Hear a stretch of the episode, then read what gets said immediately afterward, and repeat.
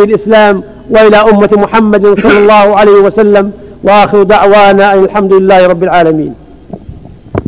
وبعد هذه المعالجة الطيبة لهذا الموضوع على ضوء من كتاب الله وسنة رسول الله لا يسعنا إلا نتوجه بالشكر الجزيل لأصحاب فضيلة العلماء على ما قدموا من جهد وعطاء وكرم. نسأل الله أن يكون في ميزان عملهم يوم القيامة. نورا يسعى بين أيديهم وبأيمانهم وأما مسك التام ختام المسك في اللقاء مع سماحة الشيخ عبد العزيز بن عبد الله بن باز. للتعليق على موضوع الندوة والإجابة على ما تيسر من سلة وذلك بعد صلاة العشاء مباشرة إن شاء الله. صلى اللهم على محمد وعلى آله وصحبه وسلم. وصلى الله وسلم على رسول الله وعلى آله وأصحابه من اهتدى بهدى. أما بعد فقد سمعنا جميعا هذه الندوة المباركة التي قام بها أصحاب الفضيلة الشيخ محمد بن أحمد الصالح والشيخ محمد بن بكري السميري الشيخ زيد بن عبد الكريم في موضوع عظيم جدير بالعناية وهو موضوع الحجاب. وقد أجاد المشايخ وأوسعوا الكلام في ذلك وبينوا ما ينبغي بيانه وأوضحوا الحق الذي ينبغي الأخذ به والتمسك به. فجزاهم الله خيرا. وزادنا وإياكم وإياهم. علما وهدى وتوفيقا وضاعف مثوبة الجميع ورزقنا جميعا العمل بما علمنا وسمعنا اللهم وأصلح قلوبنا وأحوالنا وأعمالنا جميعا كما نسأله سبحانه أن ينصر دينه ويعلي كلمته وأن يوفق جميع المسلمين للتمسك بدينه والاستقامة على شريعته وأن يصلح ولاة أمرهم ويعينهم على كل خير. إنه جل وعلا جواد كريم. قد أوضح المشايخ مسألة الحجاب وما قيل فيها وما احتج به من أجاز السفور ومن منعه. قد سمعتم حجج الفريقين وأدلة الطائفتين ولا شك أن الصواب وما صرح به المشايخ من وجوب الحجاب. والعناية بذلك وأن الواجب على أولياء النساء أن يقوموا عليهن بذلك وأن يوجهن نساءهن لذلك وأن يوجهوا نساءهن لذلك. لما في ترك الحجاب من الفتن العظيمة والعواقب الوخيمة. والأدلة في الكتاب والسنة ظاهرة في ذلك فأدلة الكتاب أوضح شيء وأبينه ولو لم يكن في هذا إلا آية واحدة وهي قوله جل وعلا وإذا سألتموهن متاعا فاسألوهن من وراء حجاب ذلكم أطهر لقلوبكم وقلوبهن. فلم يستثني سبحانه وتعالى وجها ولا يدا ولا غير ذلك وبين العلة العظيمة والحكمة العظيمة وأن ذلك أطهر للجميع أطهر لقلوب هؤلاء وهؤلاء. يعني أطهر من أسباب الفاحشة. فعلم بذلك أن الحجاب فيه المصلحة العظيمة للجميع للطائفتين للرجال والنساء. نعم. ومن ولا يقول عاقل إن هذا خاص بأزواج النبي صلى الله عليه وسلم. وإن قال قاله بعضهم في بعض المسائل لكن لا يقوله في الجميع. فنساء النبي صلى الله عليه وسلم مأمورات بالحجاب وهكذا نساء الأمة عليهن أن يقتدين بنساء بنساء النبي صلى الله عليه وسلم ويتأسين بهن في ذلك. والعلة واحدة كما أنه أطهر لقلوب أزواج النبي صلى الله عليه وسلم وللرجال أيضا فهكذا يطلب ذلك في بقية النساء وبقية الرجال. ولا يجوز أن يقال إن هذا خاص بأزواج النبي عليه الصلاة والسلام. والله جل وعلا جمع في ذلك مسائل كثيرة. فقال جل وعلا وقرنا في بيوتكن ولا تبرجن تبرج الجاهلية الأولى وأقمنا الصلاة وآتينا الزكاة وأطعنا الله ورسوله وهذا واجب الجميع. وقال قبله قبلها قوله جل وعلا يا نساء النبي لستن كأحد من النساء إن اتقيتن فلا تخضعن بالقول فيطمع الذي في قلبه مرض مرض الشهوة مرض الزنا. فالآية واضحة في وجوب التحجب على جميع نساء الأمة جميع المؤمنات لما فيه من المصلحة العظيمة والفائدة الكبرى وهي طهارة قلوب الجميع الرجال والنساء. وكذلك الآيات الأخرى قوله جل وعلا يا أيها النبي قل لأزواجك وبناتك ونساء المؤمنين يدين عليهن من جلابيبهن ولم يقل إلا كذا وإلا كذا. فقال ذلك أن يعرفن عرفن بأنهن مؤمنات. ولهذا تصون وابتعدن عن أسباب الفتنة. وقال آخر يعرفن أنهن حرائر لأن الإماء قد يسامح لهن في بعض الكشف. يعرف بأن أنهن جواري مملوكات. ولم يستثني سبحانه. وجها ولا يدا ولا قدما ولا غير ذلك.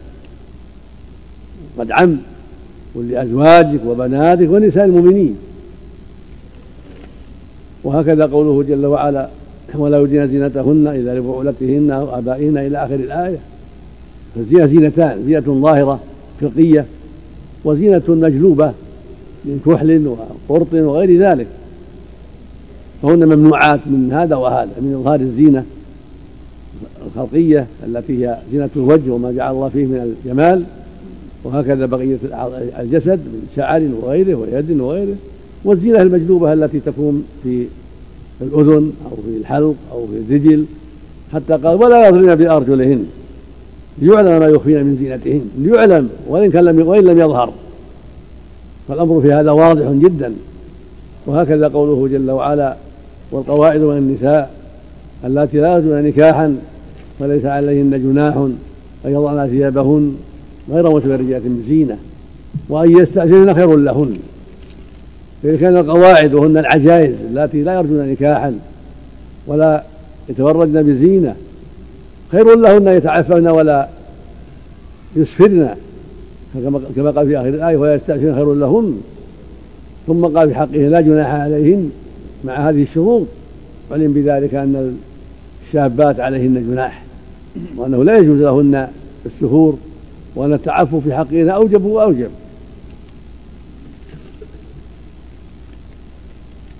وأما ما تعلق به من أباح السفور فقد سمعتم الجواب من المشايخ وهي في الحقيقة ثلاثة أحاديث حديث أسماء وحديث سفاء الخدين وحديث الخثعمية.